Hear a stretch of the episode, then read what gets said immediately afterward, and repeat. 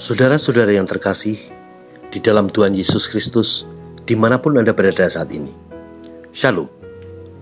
Gembala menyapa pada hari ini diambilkan dari kitab Roma pasal 12 ayat yang kedua. Hidupilah hidupmu. Roma pasal 12 ayat yang kedua. Jangan kamu menjadi serupa dengan dunia ini, tetapi berubahlah oleh pembaharuan budimu, sehingga kamu dapat membedakan manakah kehendak Allah, apa yang baik, yang berkenan kepada Allah, dan yang sempurna. Saudara-saudara yang dikasihi dan mengasihi Tuhan, Tuhan Allah menciptakan manusia sebagai makhluk hidup, sebagai makhluk yang diberi kehidupan Tuhan memerintahkan agar manusia menggunakan hidupnya itu untuk menghidupi hidupnya. Maksudnya, yaitu agar manusia dengan dan di dalam hidupnya dengan segala fasilitas yang dikaruniakan Tuhan dapat memelihara, mempertahankan, membangun, dan menumbuh kembangkan hidupnya dengan sebaik-baiknya. Itulah sebabnya perenungan Sabda Gembala menyapa saat ini kita beri tema Hidupilah hidupmu. Ketika manusia pertama, yaitu Adam dan Hawa, jatuh ke dalam dosa, yang karena itu dapat dikatakan bahwa mereka itu gagal dalam menghidupi hidupnya. Tuhan tetap menghendaki agar mereka dapat bertahan terus dan menghidupi hidupnya tersebut. Tuhan Allah memang menjatuhkan hukuman atas dosa mereka tetapi serta-merta Tuhan juga menghendaki agar manusia tetap kembali dapat menghidupi hidupnya dengan janji-janji dan perintahnya.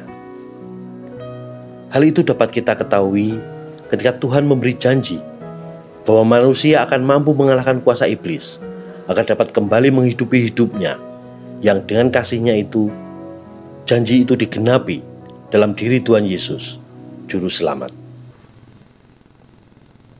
Saudara-saudara, prinsip hidupilah hidupmu di dalam perjanjian lama kita jumpai dari sabda Tuhan yang mengingatkan agar manusia berelasi yang baik dengan Tuhan. Hidup dengan pertu dalam pertobatan dan dalam ketaatan kepada perintahnya, mencari dan berserah kepada Tuhan. Hidup tidak bercelah sesuai ketetapannya. Hidup dalam kerendahan hati kepada Tuhan dan sebagainya. Di dalam perjanjian baru, hidupilah hidupmu juga diperintahkan Tuhan atas umatnya. Kita yang di dalam Tuhan Yesus sudah menerima air hidup, roti kehidupan, terang hidup, sumber, dan raja kehidupan. Menerima sabda Tuhan Yesus sendiri yang berisi kepastian. Aku hidup, dan kamu pun akan hidup. Itulah yang disebutkan Rasul Paulus bahwa orang percaya itu turut dibangkitkan dan hidup bersama Kristus. Saudara-saudara, karena itu kewajiban kita umatnya berkenaan dengan prinsip hidupilah hidupmu tersebut. Tidak lain adalah seperti yang dikatakan Rasul Paulus dalam Roma 12 ayat yang kedua. Yaitu hidup yang tidak serupa dengan dunia, yang mau melakukan perubahan akal budi, yang dapat mengetahui manakah kehendak Allah, hal-hal yang baik dan yang sempurna.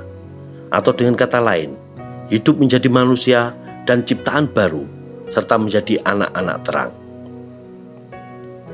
Tidak hanya untuk hal-hal yang rohani, seperti tersebut di atas, tetapi prinsip hidupilah hidupmu, hendaknya juga kita upayakan dalam kehidupan jasmani dan keseharian kita. Hidup kita akan menjadi benar-benar hidup, bukan hidup yang mati, bukan hanya seperti orang yang kelihatannya saja hidup, tetapi sebenarnya mati.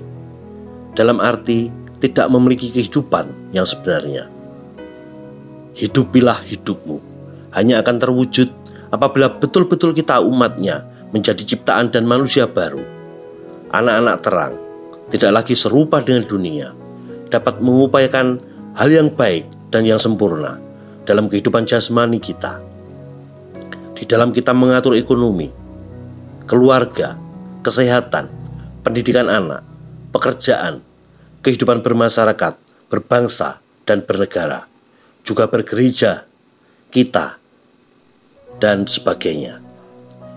Hidupilah hidupmu, baik untuk kehidupan rohani maupun jasmani. Tuhan Yesus memberkati kita sejemaat. Amin.